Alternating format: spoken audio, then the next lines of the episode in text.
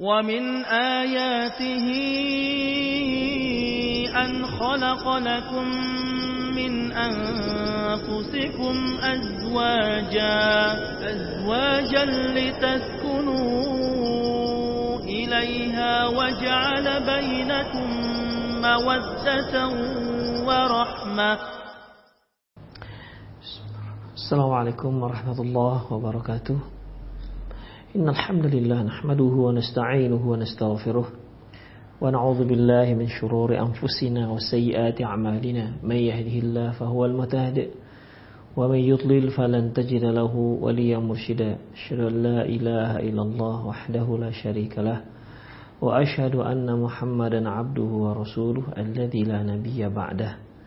وقال الله سبحانه وتعالى يا أيها الذين آمنوا اتقوا الله حق تقاته ولا تموتن إلا وأنتم مسلمون. يا أيها الذين آمنوا اتقوا الله وقولوا قولا سديدا. يصلح لكم أعمالكم ويغفر لكم ذنوبكم. ومن يطع الله ورسوله فقد فاز فوزا عظيما. يا أيها الناس اتقوا ربكم الذي خلقكم من نفس واحدة وخلق منها زوجها وبث منهما رجالا كثيرا ونساء. واتقوا الله الذي تساءلون به والأرحام إن الله كان عليكم رقيبا أما بعد نصدق الحديث كتاب الله وخير الهدي هدي محمد صلى الله عليه وسلم وشر الأمور محدثاتها وكل محدثة بدعة وكل بدعة ضلالة وكل ضلالة في النار Para pemirsa Wasyat TV serta pendengar Radio Milan Mengaji di mana pun Anda berada Alhamdulillah Allah Subhanahu Wa Taala masih memberi kita kemudahan, taufik dan hidayahnya kepada kita sehingga kita bisa masih melanjutkan kajian-kajian kita masih dalam klinik pranikah yang sebelumnya ya sekarang kita masuk pada klinik pernikahan. Dalam klinik pernikahan ini kita akan bahas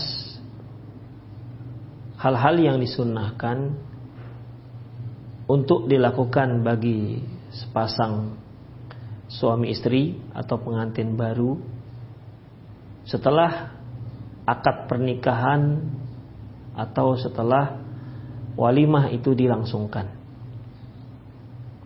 Ikhwah rahimani Allah wa iyyakum. Pasangan suami istri yaitu pasangan yang memang harus sejalan baik dalam urusan dunia apalagi dalam masalah urusan akhirat mereka. Namun tentunya di sana sini pastilah ada onak duri ada riak-riak rumah tangga mereka harus pandai membawa diri mereka karena mereka tidak lagi sendiri. Di pundak mereka sudah dibebani satu tanggung jawab yang jauh lebih berat.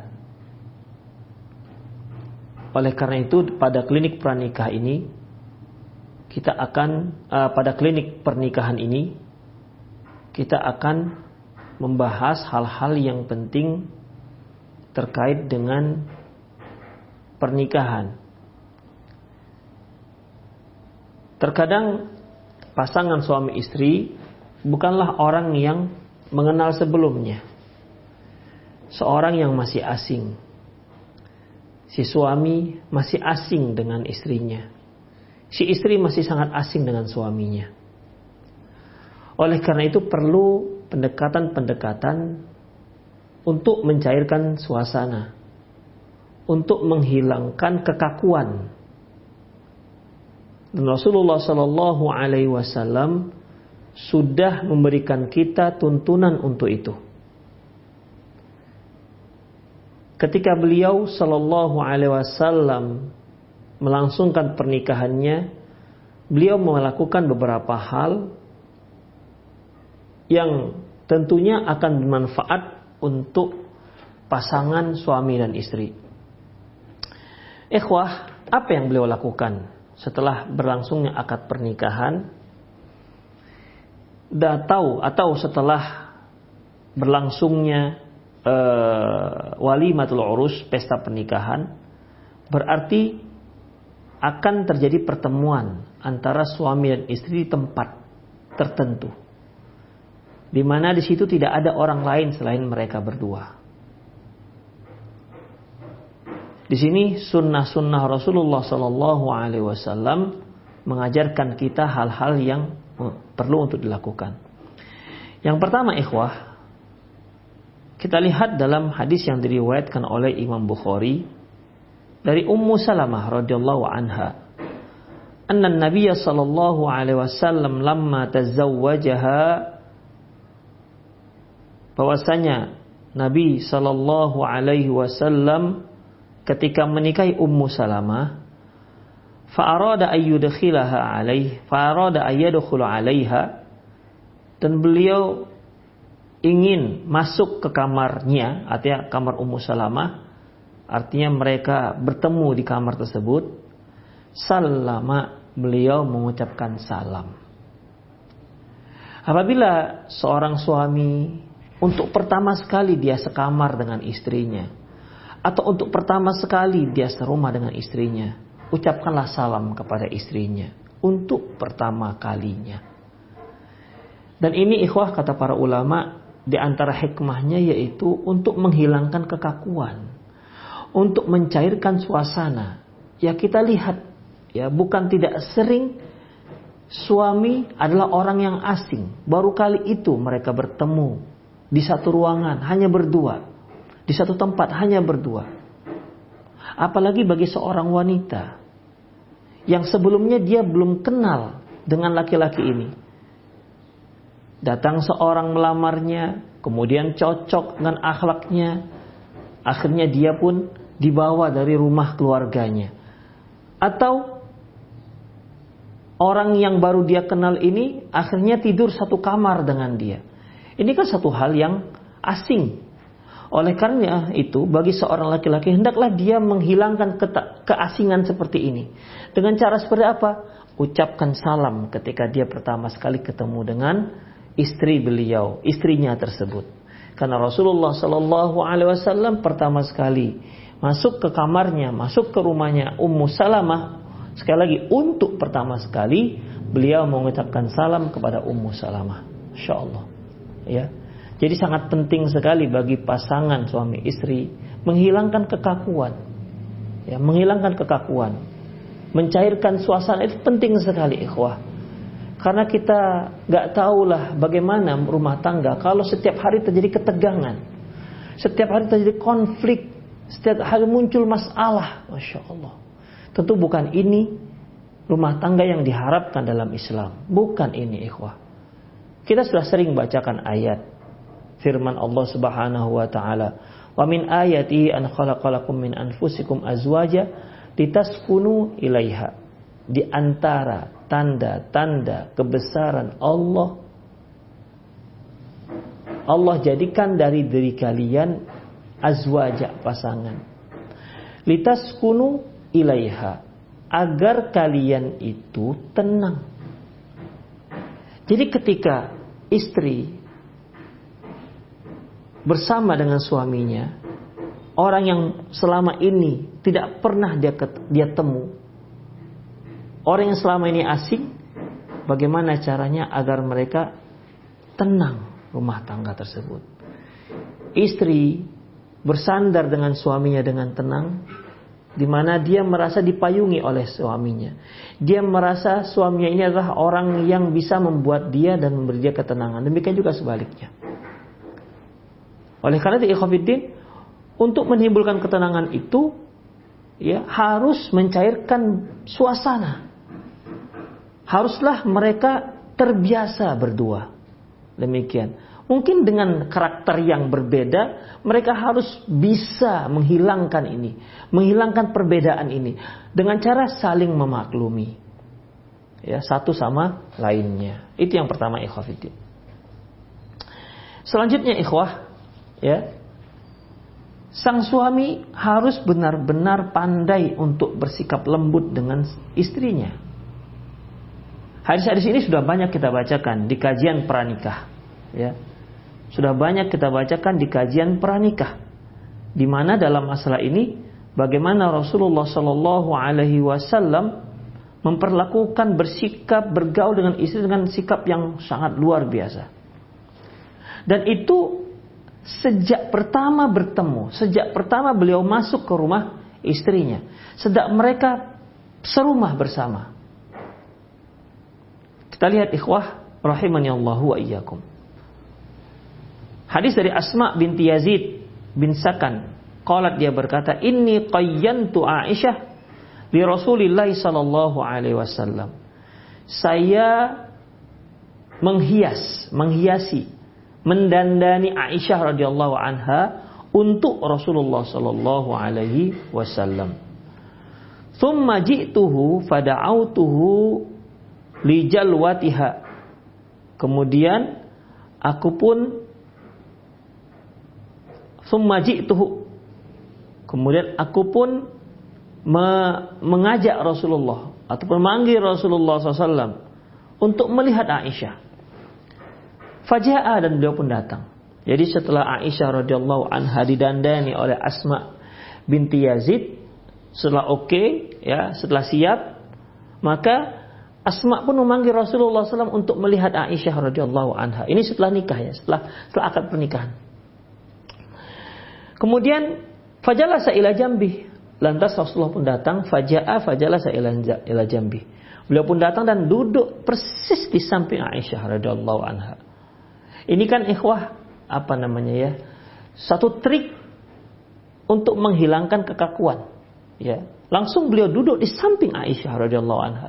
Jadi bukan Aisyah duduk di sebelah sana, di sudut mana, Rasulullah duduk di sebelah sudut mana, enggak.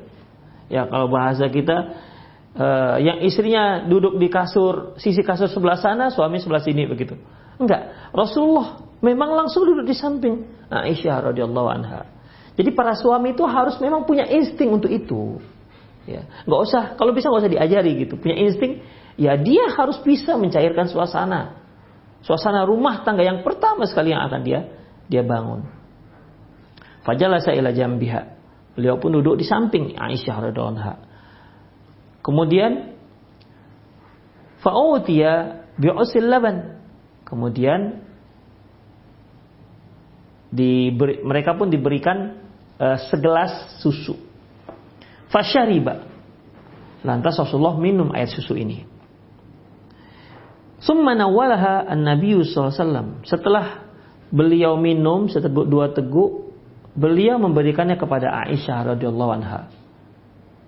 Jadi ini kalau bahasa kita ya panitia lah ya, panitia pesta. Panitianya ini ini panitianya Asma binti Yazid ya. Menyediakan juga segelas segelas susu kemudian diberikan kepada Rasulullah SAW. Segelas bukan dua gelas, ingat satu gelas bukan dua gelas. Ya. Akhirnya Rasulullah pun minum dan Rasulullah berikan sisanya kepada Aisyah radhiallahu anha. Kemudian fakhafidat ra'suha fakhafidtu ra'sa uh, fakhafidat ra'saha wastahyat. Dan waktu itu Aisyah pun menundukkan kepalanya karena malu. Ya namanya juga anak gadis ya. ya. Ketika diberi sisa air minum, Rasulullah dia pun malu untuk mengambilnya. Faqalat Asma, berkata Asma, fantahar fantahar tuha, aku pun menegur Aisyah radhiyallahu anha Wa qultulaha, aku katakan kepada Aisyah, khudhi min yadi Rasul, khudhi min yadi Nabi sallallahu. Eh, ambil itu dari tangan Nabi sallallahu. Ambil. Jangan malu gitu. Jadi ketika uh, Aisyah radhiyallahu anha malu untuk mengambil sisa minumnya Rasulullah tersebut, sisa susunya Rasulullah, diingatkan oleh yang senior. Jadi Khafiddin ya ini para ibu-ibu yang memang sudah pengalaman itu ingatkan anak-anak anak-anak gadis kita yang baru menikah begitu. Diajarkan mereka. Banyak hal yang mereka itu belum tahu tentang sebuah rumah tangga. Diajarkan. Tapi ingat jangan ditakut-takutin ya jangan ditakut-takutin karena bukan tidak sedikit ya bukan tidak sedikit seorang akhwat itu ditakut-takuti oleh ummahat yang sudah menikah Oh, aduh, malam pertama itu, aduh, pokoknya ngeri lah pokoknya, misalnya begitu. Ditakut-takutin, ini nggak dibolehkan. Ya, nggak dibolehkan. Diajarkan mereka bagaimana caranya. Diajarkan mereka bagaimana pertama sekali mereka bertemu dengan suaminya. Makanya uh, Asma binti Yazid bin Sakan uh, apa namanya memberitahu memberitahu Aisyah eh diambil tuh minumnya gitu. Diambil minumnya. Namanya anak gadis malu-malu. Kemudian qalat fa'akhadat qalat fa'akhadat fasharibat syai'an. Maka Aisyah pun mengambil uh, minuman air susu tersebut Fasharibat syai'an. Dan dia pun minum. Dia pun minum. Syaribat syai'an itu berarti minumnya nggak banyak. Ya, ini menunjukkan ikhwafiddin. Wanita kalau dia malu, dia tidak dia tidak akan sanggup untuk makan dan minum banyak. Jadi di sini tidak ada. Maka Aisyah pun minum menghabiskan air minumnya enggak enggak begitu. Ya ini kan bisa apa namanya merusak marwahnya seorang wanita. Ya umumnya kan begitu ya wanita yang kita melihat kalau ada wanita yang lagi makan, dia makan ala kadarnya, ya. Dia makan ala kadarnya itu nampak masya Allah seorang wanita yang benar-benar hormat. Tapi coba dihidangkan, dihidangkan nasi dua panci habis dua-dua, disediakan sambal boleh habis semua. Eh, mak ini ini wanita jenis apa ini? Ya pasti sedikit banyak penilaian orang akan jadi miring terhadap dia. Ini Aisyah radhiyallahu anha karena dia malu. Makanya rasa malu itu sangat penting sekali ada pada diri kaum akhwat. Karena rasa malu ini yang membuat dia masya Allah terlihat sangat mulia. Ya, rasa malunya ini ikhwah. Nah ini Aisyah radhiyallahu anha kenapa hanya fasyariba syai'an? Fasyaribat syai'an. Dia pun minum sedikit saja. Kenapa? Karena rasa malu tadi itu. Jadi kalau ada akhwat ataupun wanita yang enggak hilang rasa malunya habis sudah. Ya, penilaian baik untuk si wanita tersebut. Summa qala Nabi sallallahu alaihi wasallam. Lantas Nabi pun berkata kepadanya, "A'ti tarbak." A'ti tarbak. Kata Rasulullah setelah Aisyah minum, "Dah, kalau kamu sudah minum, berikan kepada teman-temanmu." Faqalat Asma, berkata Asma, "Fakultu ya Rasulullah." Aku berkata, "Wahai Rasulullah, bal khudhu fashrib minhu summa nawilini summa summa nawilnihi min yadik. Ya Rasulullah, Anda saja yang ambil. Jadi begini ikhwafiddin kronologi ceritanya. Uh, Asma binti Yazid membawakan susu. Udah. Susu diminum oleh Rasulullah SAW. Gak dihabiskan oleh beliau. Kemudian sisa air susu yang ada di gelas tersebut diberikan kepada Aisyah radhiyallahu Aisyah malu nggak mau mengambil. Kemudian diingat di, di, diberitahu oleh uh, Asma binti Yazid, eh Aisyah ambil, ambil, ambil dan minum. Maka Aisyah pun mengambil minum susu tersebut dan meminumnya. Fasyari basyai'an. Dia pun minum sedikit. Kemudian kata Rasulullah, itu sisa air minum itu, air susu tersebut berikan kepada teman-temanmu. Ya. Kemudian apa kata Asma? Ya Rasulullah, Anda aja yang ngambil. Anda ambil, Anda minum, setelah itu baru diberikan kepada kepadaku. Maka ikhwafiddin rahimani Allah wa iyyakum fa akhadha fashariba minhu summa nawalanihi. Kemudian beliau pun mengambil kembali uh, segelas susu tersebut dari tangan Aisyah, kemudian dia minum, baru si, masih ada sisanya dan diberikan kepada kepadaku kata Asma binti Abi Bakar. Qalat fajalastu hatta wada'tuhu ala rukbatayhi. Maka aku pun duduk dan aku letakkan di antara dua lututku. Summa tafiqat udiruhu wa attabi'u wa atba'uhu bisyafatai liusib liusiba minhu syarba Rasulillah sallallahu alaihi wasallam. Maka aku pun memperhatikan di mana ini kan Rasul kan tadi barusan minum tuh. Uh, Asma binti Yazid memperhatikan di mana tadi Rasulullah minum? Di sebelah di, sisa, di sisi gelas sebelah mana beliau minum? Kemudian ya lantas uh, Asma binti Yazid dia minum di situ. Sehingga uh, tempat menempelnya bibir Rasulullah itulah di situlah Asma minum. Dari tempat menempelnya bibir Rasulullah SAW di gelas. Jadi di mana Rasulullah menempelkan bibirnya di gelas tersebut, di situlah Asma binti Yazid minum. Jadi e, bibirnya menempel di bekas bibir Rasulullah SAW. Summa qala niswatin indi, kemudian beliau berkata kepada wanita-wanita yang ada di sekitarku, nawilihi, nawilihinna, e, berikan sisanya kepada mereka. Fakulna la nashtahi. Kami katakan kami nggak berminat ya Rasulullah minum sisa air susu tersebut. Faqala Rasulullah SAW. Lantas Rasulullah SAW bersabda, la ya la anna jau'an wa, wa kadban. Tidak akan bisa berkumpul antara lapar dan dusta. Artinya Rasulullah Shallallahu Alaihi Wasallam ya sebenarnya mengetahui mereka itu lapar sebenarnya. Jadi ya orang lapar kan paling tidak dia ada pengganjal perutnya untuk minum. Makanya Rasulullah katakan kalau kalian lapar, ya kalau kalian lapar, ya itu nggak akan bisa berkumpul antara lapar dengan dengan seorang yang berdusta nggak bisa. Ya tetap pasti tidak akan bisa berkumpul. Demikian ikhafiddin. Dia akan terus terang untuk melakukannya. Atau minimal akan ketahuan dari wajahnya bahwasanya dia lapar. Walaupun dia uh, mulutnya berkata dia tidak dia tidak berminat dengan minuman tersebut. Demikian ikhwafidin itu yang yang berikutnya. Jadi pertama kalau memang istrinya sudah ada di tempat, dia masuk dia ucapkan salam kepada istrinya. Kemudian uh, minumlah ya, minum, kemudian diberikan kepada sang istri minum susu ya. Berikan kepada istri, kemudian minum lagi begitu. Jadi uh, segelas kongsi berdua. Itu dia, segelas kongsi berdua.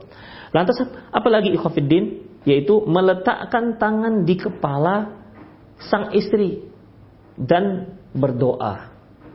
Meletakkan tangan di kepala sang istri dan berdoa.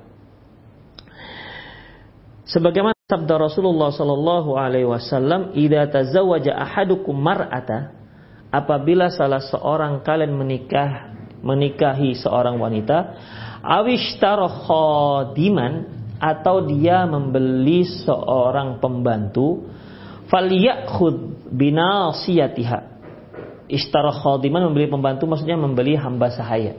Karena kalau pembantu kita pakai istilah sekarang, ya tidak ada pembantu yang bisa dijual, diperjualbelikan.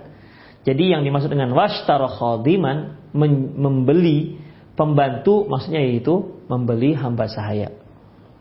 Falyakhud binasihatiha. Hendaklah dia pegang ubun-ubunnya. Inilah, inilah ubun-ubunnya, pegang tangan.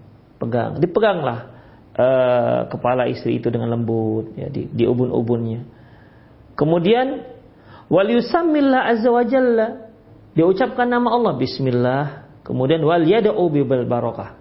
Dan hendaklah dia berdoa semoga ya semoga istrinya tersebut diberikan keberkatan oleh Allah Subhanahu wa taala. Wal yaqul dan dia mengucapkan doa, Allahumma inni as'aluha. Allahumma inni as'aluka min khairiha wa khairi ma jabaltaha alaihi wa a'udzubika min syarriha wa syarri ma jabaltaha alaihi. Itulah doanya. Ya. Di sini ya di mana sang suami minta mohon pada Allah untuk mendapatkan kebaikan sang istri dan berlindung dari kejahatan sang istri. Demikian ikhwafiddin. Ya, saya ulangi doanya. Ketika masuk kemudian bismillah ya doakanlah keberkahan untuk sang istri. Allahumma bariklah ya. Ya Allah berkatilah dia berkatilah istriku. Ya kalau nggak bisa bahasa bahasa Indonesia ya bahasa Arab ya bahasa Indonesia juga bisa. Pokoknya doakan keberkahan. Udah? Kemudian doa ucapkan doa ini. Allahumma inni as'aluka khairaha wa khairu ma jabaltaha alaihi wa a'udzubika min syarriha wa syarri ma jabaltaha alaihi. Enggak hafal? Tulis. Tulis taruh kantong tuh. Ha. begitu mau doakan baca. Hmm. begitu. Karena kan jarang-jarang kita baca ini ikhwah. Ada yang seumur hidup hanya sekali. Ya. Paling banyak empat kali lah gitu kalau dia sekaligus Demikian ikhwah ya. Jadi dalam masalah ini ya memang karena e, doanya juga jarang-jarang dibaca, jarang-jarang juga didengar, maka Kalau susah menghafalnya, ya sudah disalin, letak tulis di sebuah kertas sambil pegang ubun-ubun sang istri sambil membaca doa tersebut. Ya. Demikian ikhwah Allah wa iyyakum.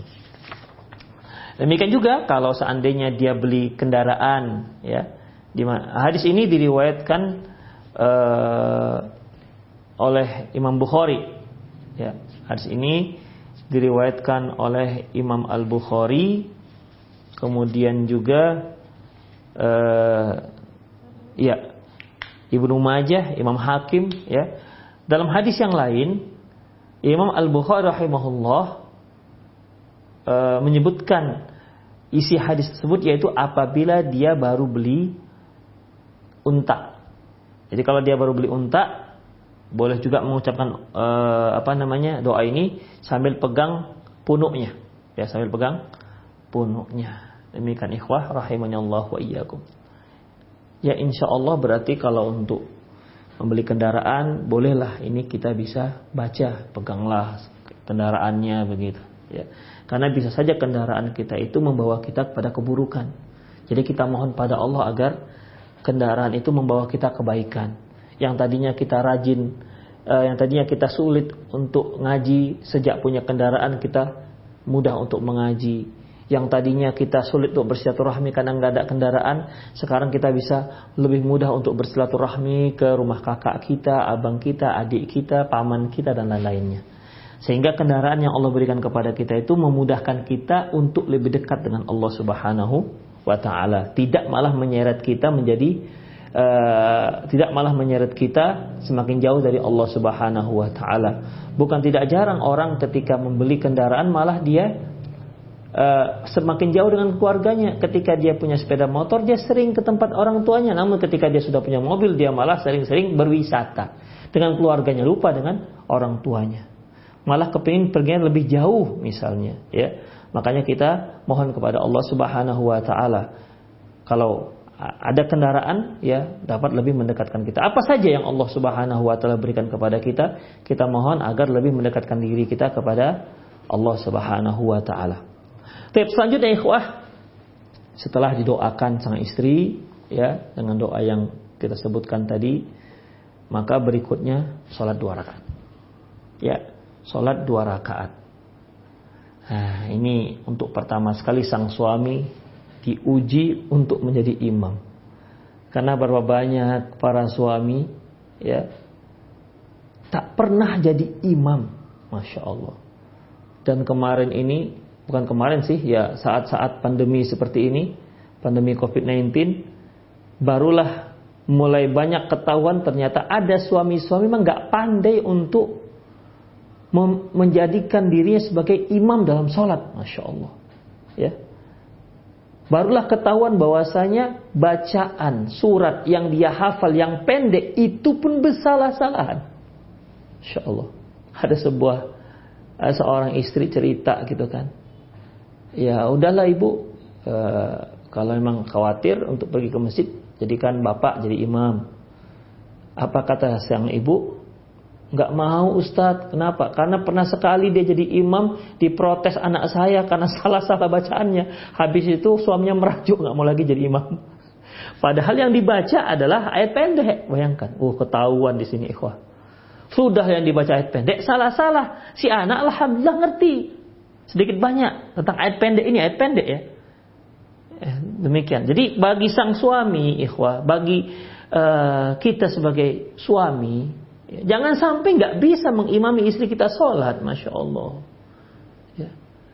Jangan sampai. Jangan sampai ketika bangkit dari rukuk ke tidak kita katakan Allah Akbar, bukan sami Allah liman hamidah. Ini kan bermasalah berarti. Kok bisa dia nggak bisa jadi imam? Ini istrinya. Kalau di hadapan orang lain mungkinlah mengimami jamaah semajid, oke okay lah ya, nggak bisa. Tapi untuk istri gimana? Jangan sampai ketika dia marah-marahin istri dia sangat piawai. Ketika dia jadi imam, masya Allah. Kul Allah pun jadi gak hafal gara-gara gara-gara jadi imam, gak pernah jadi imam. Demikian. Ikhwah rahimanallah wa iyyakum ya. Saya kira ini juga salah satu hikmah ya hikmah Allah menurunkan COVID-19 ini. Ketahuan mana suami-suami yang nggak bisa yang nggak bisa baca Quran, yang nggak bisa mengimami istrinya. Itu dia. Nah, bagi yang mau berkelit akan berkelit dia. Ah, ada ada ada ada keperluan ini ah masing-masing aja segala macam. Kenapa? Berkelit dia. Karena memang sebenarnya dia tidak bisa menjadi imam. Jadi kemudian kalau kita memang sudah tahu kita nggak bisa, belajarlah ikhwah. Ya, belajarlah ya. Nah, jadi di sini salah satu sunnahnya ikhwah setelah setelah membacakan doa sholat ya sholat bersama sang istri. Jangan istri jadi imam. Ustadz dia lebih banyak hafalan, nggak bisa.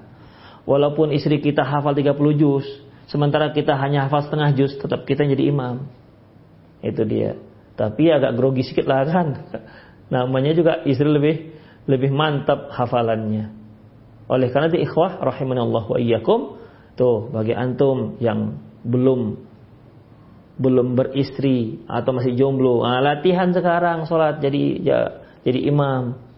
Demikian sehingga sholat pertama sang istri bersama antum itu sholat yang memang sangat apa ya syahdu, sholat yang masya Allah yang pertama yang memang sulit dilupakan dari memori. Begitu betul-betul betul-betul sangat apa nostalgia yang luar biasa manisnya. Kenapa? Di saat pertama sekali abang mengimami saya, masya Allah Jangan sampai di saat pertama sekali abang imam saya, abang baca lawahad, nggak hafal astagfirullah itu. Kul wallahu ahad. Kul wallahu ahad. Kalau lagi lanjutnya. Astagfirullah. Ya.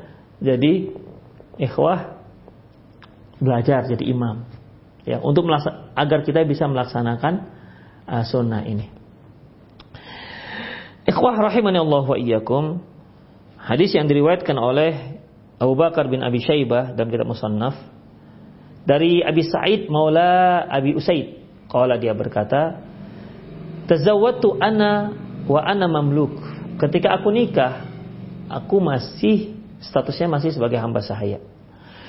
Fada'autu nafaran min ashabin Nabi SAW fihim Ibnu Mas'ud wa Abu Dhar wa Huzaifah. Maka aku pun mengundang beberapa sahabat Nabi SAW Ya, di antaranya ada Ibnu Mas'ud, ada Abu Dzar, ada Udzaifah bin Yaman. Qala fa uqimatis shalah, maka ditegakkan salat. Kemudian qala fadhahaba Abu Dzar li fadhahaba Abu Dzar li yataqaddam. Kemudian Abu Dzar pun maju untuk menjadi imam. Faqalu ilaika. Namun sahabat yang lain mengatakan, "Eh, jangan kamu jadi imam." Ya, mundur mundur, jangan kamu jadi imam. Qala awakadzalik Apakah seperti itu? Qala na'am. Qalu na'am iya. Jangan kamu.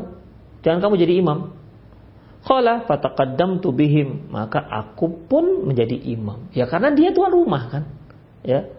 Ketika dia menjadi tuan rumah, ketika kita berada di rumah teman kita, kemudian uh, di situ ada sholat berjamaah, maka jangan kita sok-sok maju sebelum di, diminta untuk maju.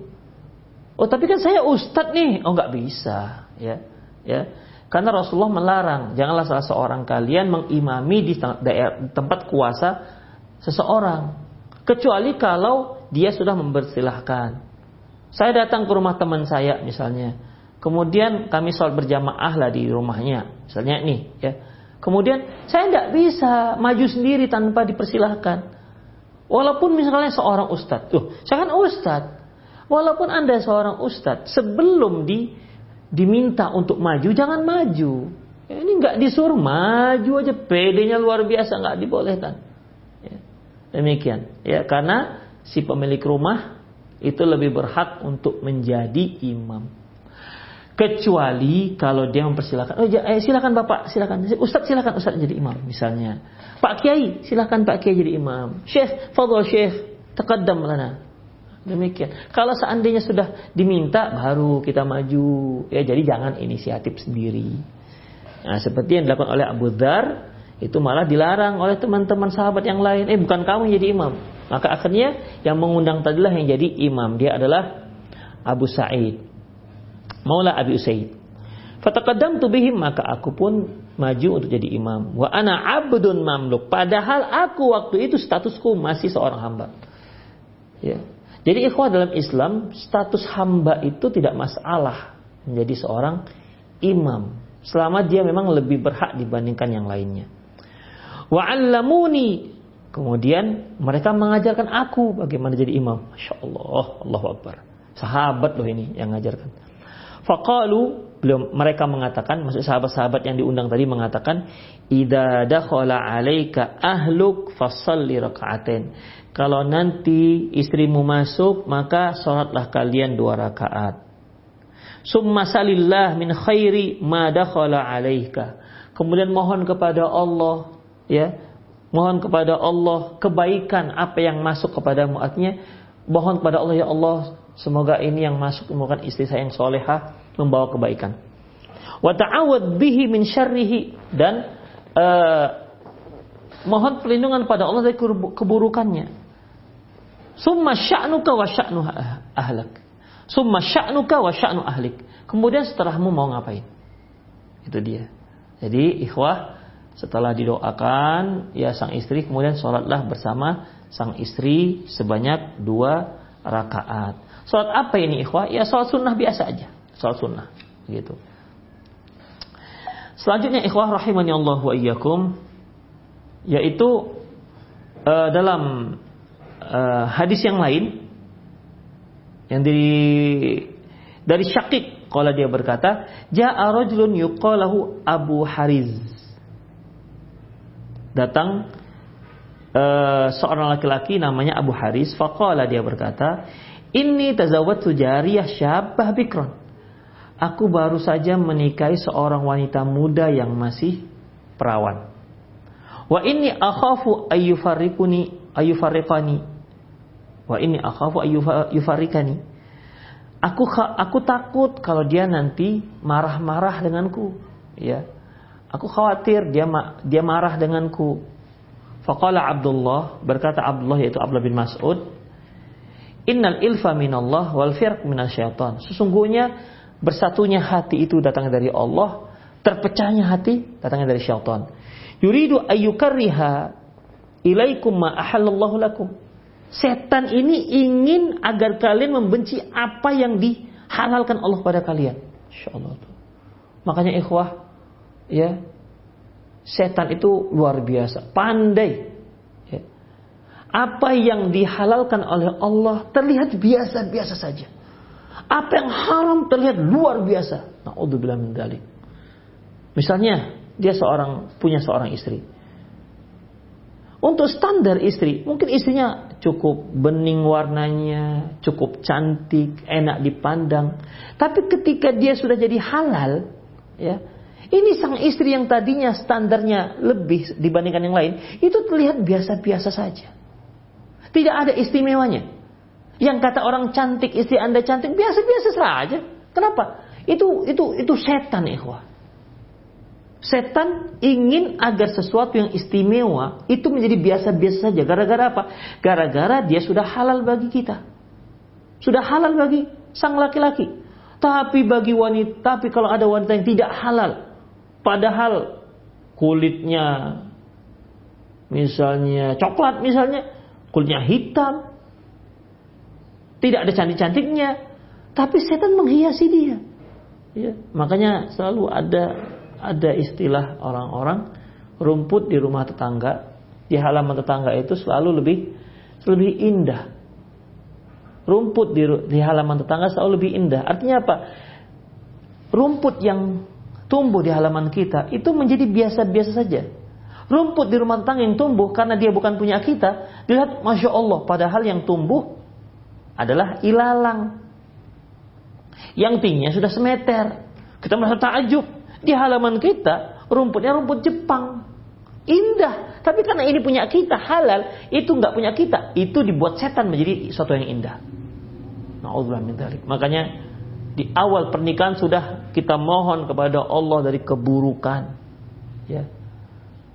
Kita mohon kepada Allah. Kita mohon pelindungan pada Allah dari keburukan.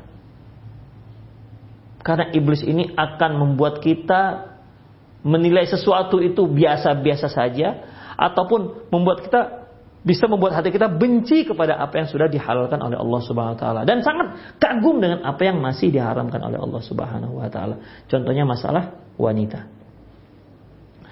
Faida atatka fa'murha an tusalliya wara'aka raka'atain. Apabila datang istrimu, maksudnya ini pengantin baru ya, maka sholatlah bersamanya, sholatlah, sholatlah dia sholat di belakangmu sebanyak dua rakaat. Ya, itu dia ikhwah fiddin rahimanallahu wa iyyakum. Dalam riwayat yang lain, Abdullah bin Mas'ud memberikan doa wakul kemudian katakan Allahumma barik li fi ahli. Ya Allah berkatilah aku pada keluargaku.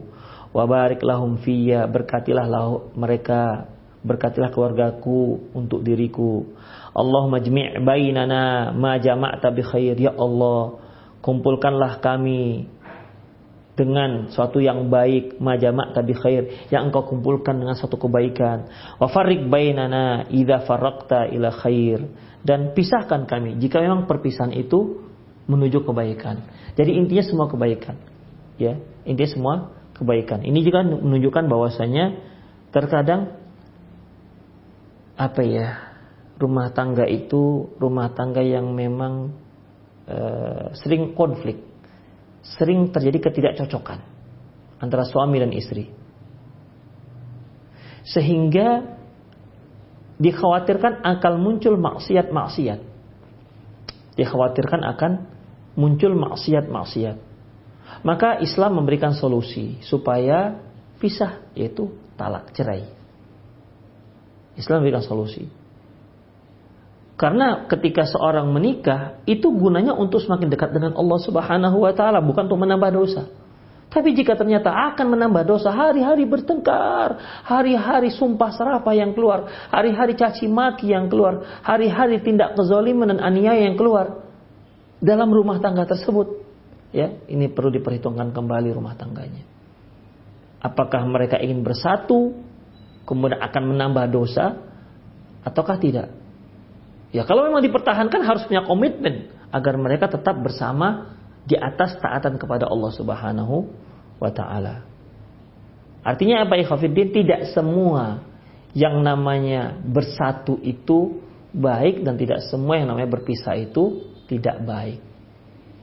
Ya, ini kita bicara dalam masalah rumah tangga. Di sini ya Allah kumpulkanlah kami di atas kebaikan dan apabila memang harus di terpisah maka pisahkanlah kami untuk menuju kebaikan. Demikian ikhwah rahimani Allahu wa iyyakum. Namun intinya kajian kita yaitu hendaklah dia uh, sholat dua rakaat ya. Maka dia sholat dua rakaat setelah dia mendoakannya. Insyaallah ikhwafiddin rahimanallahu wa iyyakum sepertinya cukuplah untuk sore hari ini ya. Insyaallah besok kita lanjutkan lagi insyaallah. Demikian aku lu qauli hadza wa astaghfirullah li wa lakum wa muslimin innahu ghafurur rahim. Bagi para pendengar, para pemirsa di mana pun Anda berada yang ingin bertanya silahkan uh, kirimkan pesan, kirimkan uh, pertanyaan melalui pesan singkat 0895 6113 27778. 0895 6113 27778. Bismillah, Ustadz izin bertanya, sholat dua rakaat dilakukan atas saat suami menjumpai istrinya dilakukan setelah akad atau malamnya saat suami menjumpai istrinya. Ya, setelah uh, ketika dia menjumpai istrinya di kamar. Itu dia. Tidak harus malam. Ya, tidak harus malam. Misalnya e, kalau memang sempat misalnya pertama sekali berjumpa berduaan ya di situ bisa mereka sholat dua rakaat silakan. Ya, terkadang bisa saja mempelai ini bertemu siang misalnya ya. Bertemu siang pas ganti kostum misalnya ketemulah mereka. Tapi kan nggak memungkinkan untuk sholat dua rakaat. Tapi kalau memungkinkan sholat dua rakaat misalnya sholat zuhur mereka ya mereka sholat dua rakaat dulu misalnya bersama sang istri. Kalaupun tidak, minimal malamnya lah ketika mereka mulai untuk pertama sekali dia bertemu dengan istrinya di malam harinya. Itu dia. Ya, ini juga perhatian kepada para hadirin yang datang, pengunjung, ya, para undangan, terutama family-family begitu ya. Di saat-saat seperti itu janganlah ngajak sang pengantin untuk begadang atau bahasa Medannya lek-lekan gitulah kira-kira. Ya. Alah, kamu udahlah kita malam ini begadang dulu. Masya Allah, istri sendirian tidur di di kamarnya. Ya, kita udah selayaknya untuk cepat-cepat pulang. Itu ikhafidin. Jadi di itu dilakukan setelah akad pernikahan. Setelah akad pernikahan. Kapan dia bisa bertemu? Untuk pertama sekali di ruangan berdua, ya. Jika memang bisa sholat berdua, dua rakaat silahkan. Demikian. Allahu a'lam bishawab. Ustadz bacaan sholat dua rakaat dikeraskan atau disirkan? Ustadz uh, tidak ada ketentuan mau disirkan atau di dikeraskan, ya, mau disirkan atau dijaharkan. Tidak ada. Silakan mau disirkan atau mau di dijaharkan, silakan. Ya kalau mau dia menjaharkan ini silakan. Demikian. Uh, tapi memang ini jadi peluang ya para suami yang hafalannya pendek-pendek ini. Nanti dia kalau dikatakan sir dia baca kelelawahatnya dia, tapi lama dikira baca surat amma yatasaalun, padahal kelelawahat diulang-ulangnya misalnya. Ya. Jadi intinya tidak ada ketentuan apakah dia bacaannya sir atau jahar. Silahkan mau sir dan jahar. Demikian. Allahu a'lam bishawab. Bismillah Ustadz, doakan ana dan istri agar lebih baik dan istiqomah di atas sunnah. Semoga Allah Subhanahu wa taala memberikan kita istiqomah antum, istri antum dan kita semua semoga Allah memberikan istiqomah di atas sunnah Rasulullah sallallahu alaihi wasallam hingga saat kematian kita menjelang. Amin ya rabbal Ustadz, kapan waktu kita meletakkan tangan di kepala istri dan mendoakannya. Uh, di saat bertemu tadi itu, ya, ketika sang suami masuk ke ke ruangan istrinya, mungkin istrinya sudah ada, atau mungkin suaminya duluan masuk ruangan tersebut, mau tidur bareng lah pertama kali misalnya ya. Nah, di situlah dia dia mendoakan, meletakkan tangannya. Jadi urutan yang telah kita sebutkan tadi, dia masuk. Kalau seandainya istrinya sudah duluan masuk, dia masuk ucapan assalamualaikum, ya Eh, kemudian istri menjawab Waalaikumsalam. Kemudian ya mereka minum ya. Uh, jangan lupa bagi panitia ini menyediakan susu ya di kamar tersebut susu. Susu apa saja? Susu apa saja? Ya kalaupun kesulitan ya beli susu kotak juga nggak masalah. Pakai sedotan gitu kan. Silahkan mau susu asli. Yang penting susu lah ya susu. Jadi suami yang minum sebagian sebagian lagi diberikan kepada sang istri. Jangan sang suaminya jangan seperti orang kehausan begitu habis semua begitu jangan. itu suami haus namanya. Ya kalau haus minta lagi lah begitu segelas lagi. Itu tambah bang, gitu. minta segelas lagi. Jadi minum yang dihabiskan. Separuh sisanya biar istri yang minum. Itu apa namanya? Pendekatan hati namanya itu. Supaya sang sua, sang istri nggak nggak apa namanya nggak ngeri dia dengan suaminya gitu kan apalagi suaminya brewok begitu kan. Aduh uh, begitu. Kan yang brewok itu kan belum tentu ngeri ya. Bahkan lembut orangnya ikhwah kemudian ikhwah setelah itu ya setelah minum ya dipegang. Apa ubun-ubunnya? Bukan dahinya bukan dagunya tapi ubun-ubunnya itu atas kepala dipegang. Kemudian doakan sebagaimana doa tadi. Kalau nggak hafal udah catat catat catat taruh di kantong misalnya, baca hmm, sambil baca, begitu ya.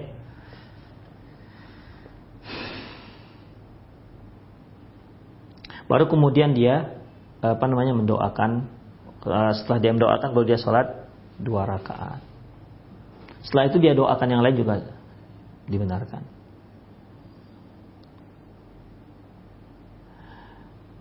Ini sudah tadi sudah dibaca mengenai mengeras mensir atau menjaharkan. Kemudian Ustaz apakah boleh kita menjamak sholat ketika saat acara walimah? Sekolah khairan, ikhwah, menjamak itu adalah salah satu uzur yang diberikan kepada uh, oleh syariat kepada kita. Tentu dengan uzur yang memang uzur-uzur syar'i. Uzur yang memang uzur syar'i. Rasulullah SAW pernah menjamak sholat itu bila khaufin walama torin. Beliau pernah menjamak sholat. Beliau uh, menjamak sholat tidak ketika sakut, takut dan juga bukan di saat uh, hujan. Dan memang tidak tidak dalam keadaan musafir juga. Jadi mukim ya takut dia hujan dan beliau melakukan sholat menjamak sholat. Jadi uh, jika memang di situ ada uh, uzur syar'i, maka dibolehkan menjamak. Maka dibolehkan menjamak. Baik, sekarang apakah walimah termasuk uzur syar'i? Nah, sekarang apa sulitnya kita uh, melakukan sholat di, di waktunya? Karena hukum asalnya ikhwah, inna salata kanat alal mu'minina kitaban mauquta. Sungguhnya sholat itu diwajibkan atas setiap orang-orang mukmin kita mau kuta ada waktu-waktu yang telah ditentukan. Itu hukum asalnya. Zuhur dilaksanakan di waktunya, asar dilaksanakan di waktunya. Kalau seandainya ada uzur, boleh asar dimajukan ke zuhur menjadi jamak takdim atau zuhur di diakhirkan ke asar menjadi jamak takhir. Ini jika ada uzur syar'i. Ah, sekarang apa sulitnya? Apa masalahnya terkait dengan walimah hingga kita harus menjamak. Apa masalahnya? Demikian. Jadi nggak ada masalah yang yang berat sehingga kita harus menjamak sholat. Ya, tidak ada. Ustadz, makeup saya sudah tiga lapis. Ah, itu bukan. Nanti kalau saya wudhu Ustadz, hilang makeupnya misalnya ya. Ya, itu berarti bukan udur syar'i, ikhwah. Ya, bukan udur syar'i. Jadi, ikhwah, Allahu alam bisawab. Saya tidak melihat adanya di situ uzur syar'i sehingga membolehkan. Kalau memang ada sesuatu yang menyusahkan, boleh kita melakukan menjamaknya, ya. Boleh kita menjamaknya. Tapi untuk walimah saya belum terbayangkan oleh saya apa uzur syar'inya, apa beratnya kita melaksanakan sholat di waktunya. Allahu a'lam bishawab.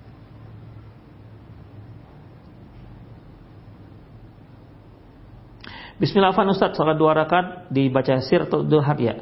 Ini e, tidak ada menyebutkan dasar hadis tidak menyebutkan apakah harus sir ataupun jahar artinya ya terserah bagi antum sebagai imam bagi sang suami mau dijaharkan ataukah di disirkan.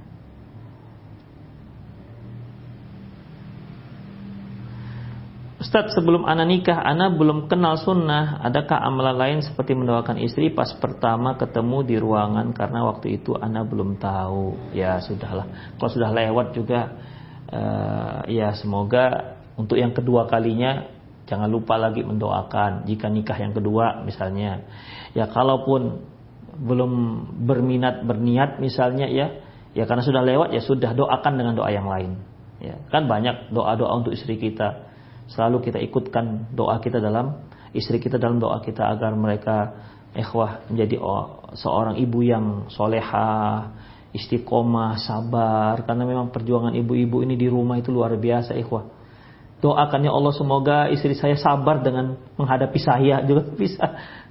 ya, bisa ya Allah. Tahu nih sang istri bertingkah aja nih misalnya begitu kan. Ya Allah, berikanlah kesabaran istri saya untuk dalam menghadapi saya misalnya atau dalam menghadapi anak-anak. Begitu ikhwah. Doakan, sertakan doa istri antum dalam setiap doa antum karena mereka adalah pilar dalam keluarga antum. Pilar dalam keluarga kita. Gak bagus istri kita, maka ketidakbagusan itu bisa saja menular kepada anak-anak kita. Makanya doakan mereka, doakan, doakan, doakan doakan kesabaran, doakan istiqomah di atas sunnah Rasulullah Sallallahu Alaihi Wasallam. Ya doakanlah mereka.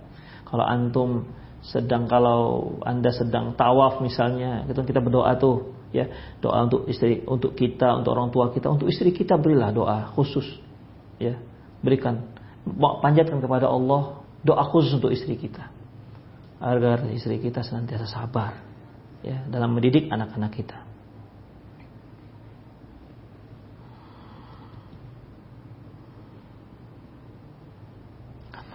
Ustaz, apakah dibolehkan mencium tangan suami setelah dilakukan sholat dua rakaat? Boleh, ikhwafiddin. Ya. Boleh mencium tangan suami. Cium pipi suami juga udah boleh. Semua udah boleh. Ya. Tidak apa-apa. Mencium tangan suami. Tidak diboleh, tidak masalah. Itu merupakan salah satu tindak penghormatan kepada sang sang suami.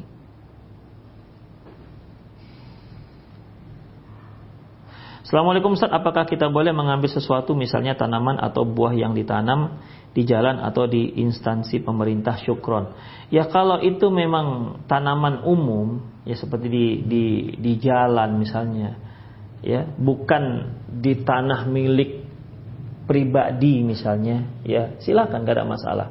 Misalnya pemerintah kita bagian pertamanan menanam pohon mangga di pinggir jalan sebagai pelindung jalan misalnya berbuah tuh mangga silahkan. Ya silahkan ambil nggak apa-apa. Karena itu apa namanya memang ee, ditanam ya memang untuk umum. Kalau seandainya tidak untuk umum nggak nggak nggak akan mungkin ditanam di di pinggir jalan ikhwah. Ya demikian.